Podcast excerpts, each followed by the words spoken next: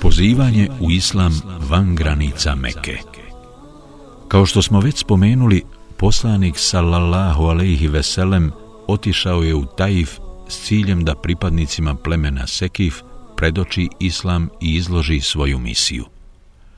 Doživjevši među njima razočarenje, izgubio je nadu da će od njih vidjeti ikakva dobra, tako da se vratio u Meku, ali tek nakon što je zatražio zaštitu od Mutima bin Adija, koji je na to i pristao. Kada je Ebu Džehl vidio poslanika sallallahu alaihi veselem, provokativno i podrugljivo reče Ovo je vaš vjerovjesnik, o potomci Abdumenafa, a Utba bin Rebija mu uzvrati. A zašto poricati da bi se među nama mogao pojaviti vjerovjesnik ili kralj? Poslanik sallallahu alaihi veselem čuo je Udbine riječi pa mu reče Što se tebe tiče, ti te riječi nisi rekao zbog toga što si sasvim predan Allahu, već zbog toga što si u potpunosti odan samome sebi, odnosno svome rodu, klanu i plemenu.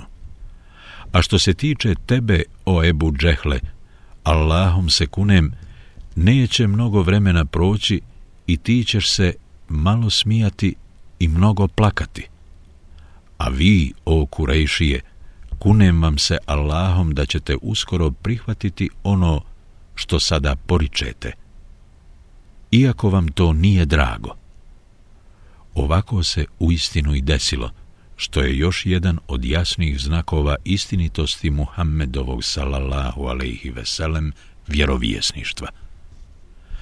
Muhammed sallallahu alaihi veselem i dalje ostade u Meki, iako se broj onih koji su ga štitili i pomagali smanjio, a neprijateljstvo njegovog naroda prema njemu svakim danom bivalo sve izraženije i otvorenije.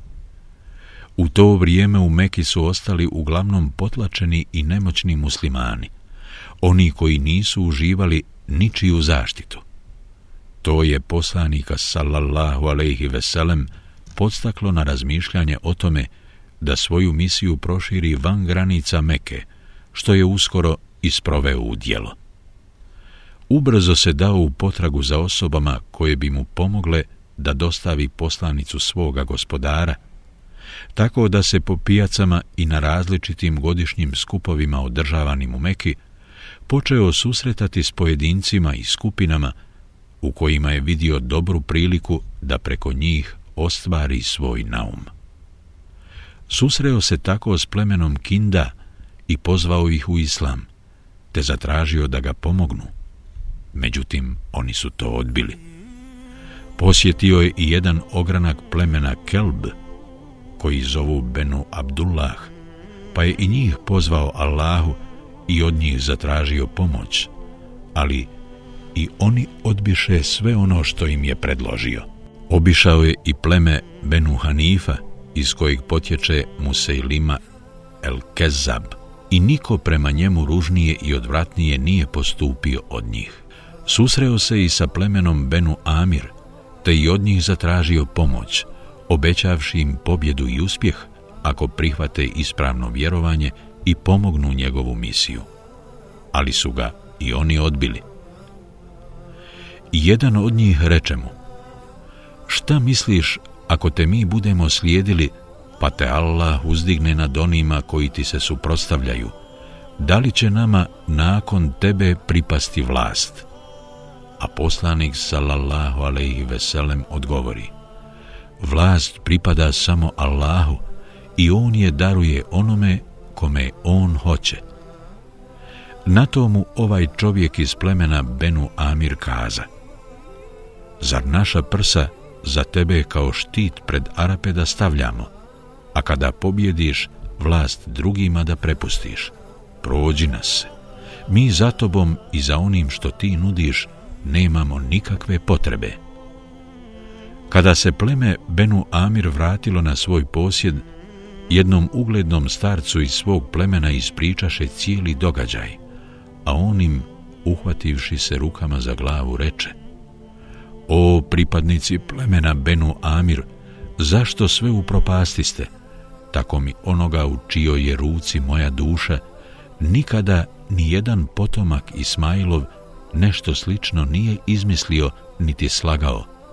To je zaista istina. Gdje vam je pamet bila?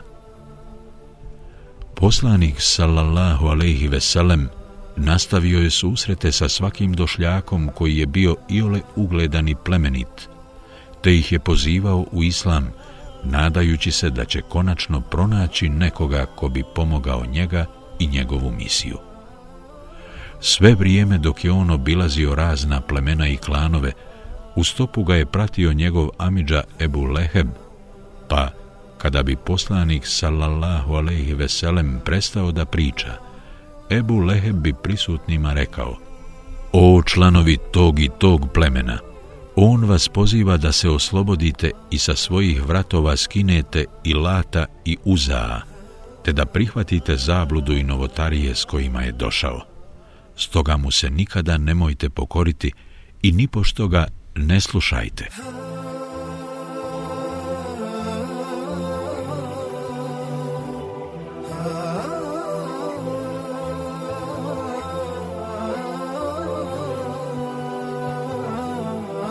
Zaključci, pouke i poruke Prvo, predislamski Arapi uzimali bi pod svoju zaštitu određene osobe kojima potom niko nije smio činiti nikakvo zlo.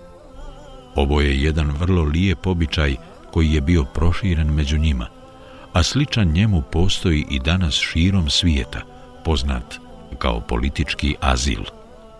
Drugo, jedan od jasnih znakova istinitosti Muhammedovog sallallahu alejhi ve sellem vjerovjesništva jeste i obistinjenje svega onoga o čemu je unaprijed obavijestio da će zadesiti Ebu Džehla i Kurejšije.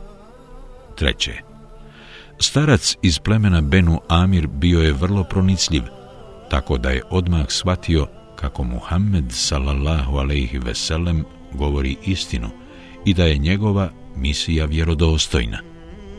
Četvrto, Ebu Leheb je bio neumoran u odvraćanju ljudi od poslanikove sallallahu alejhi ve sellem misije.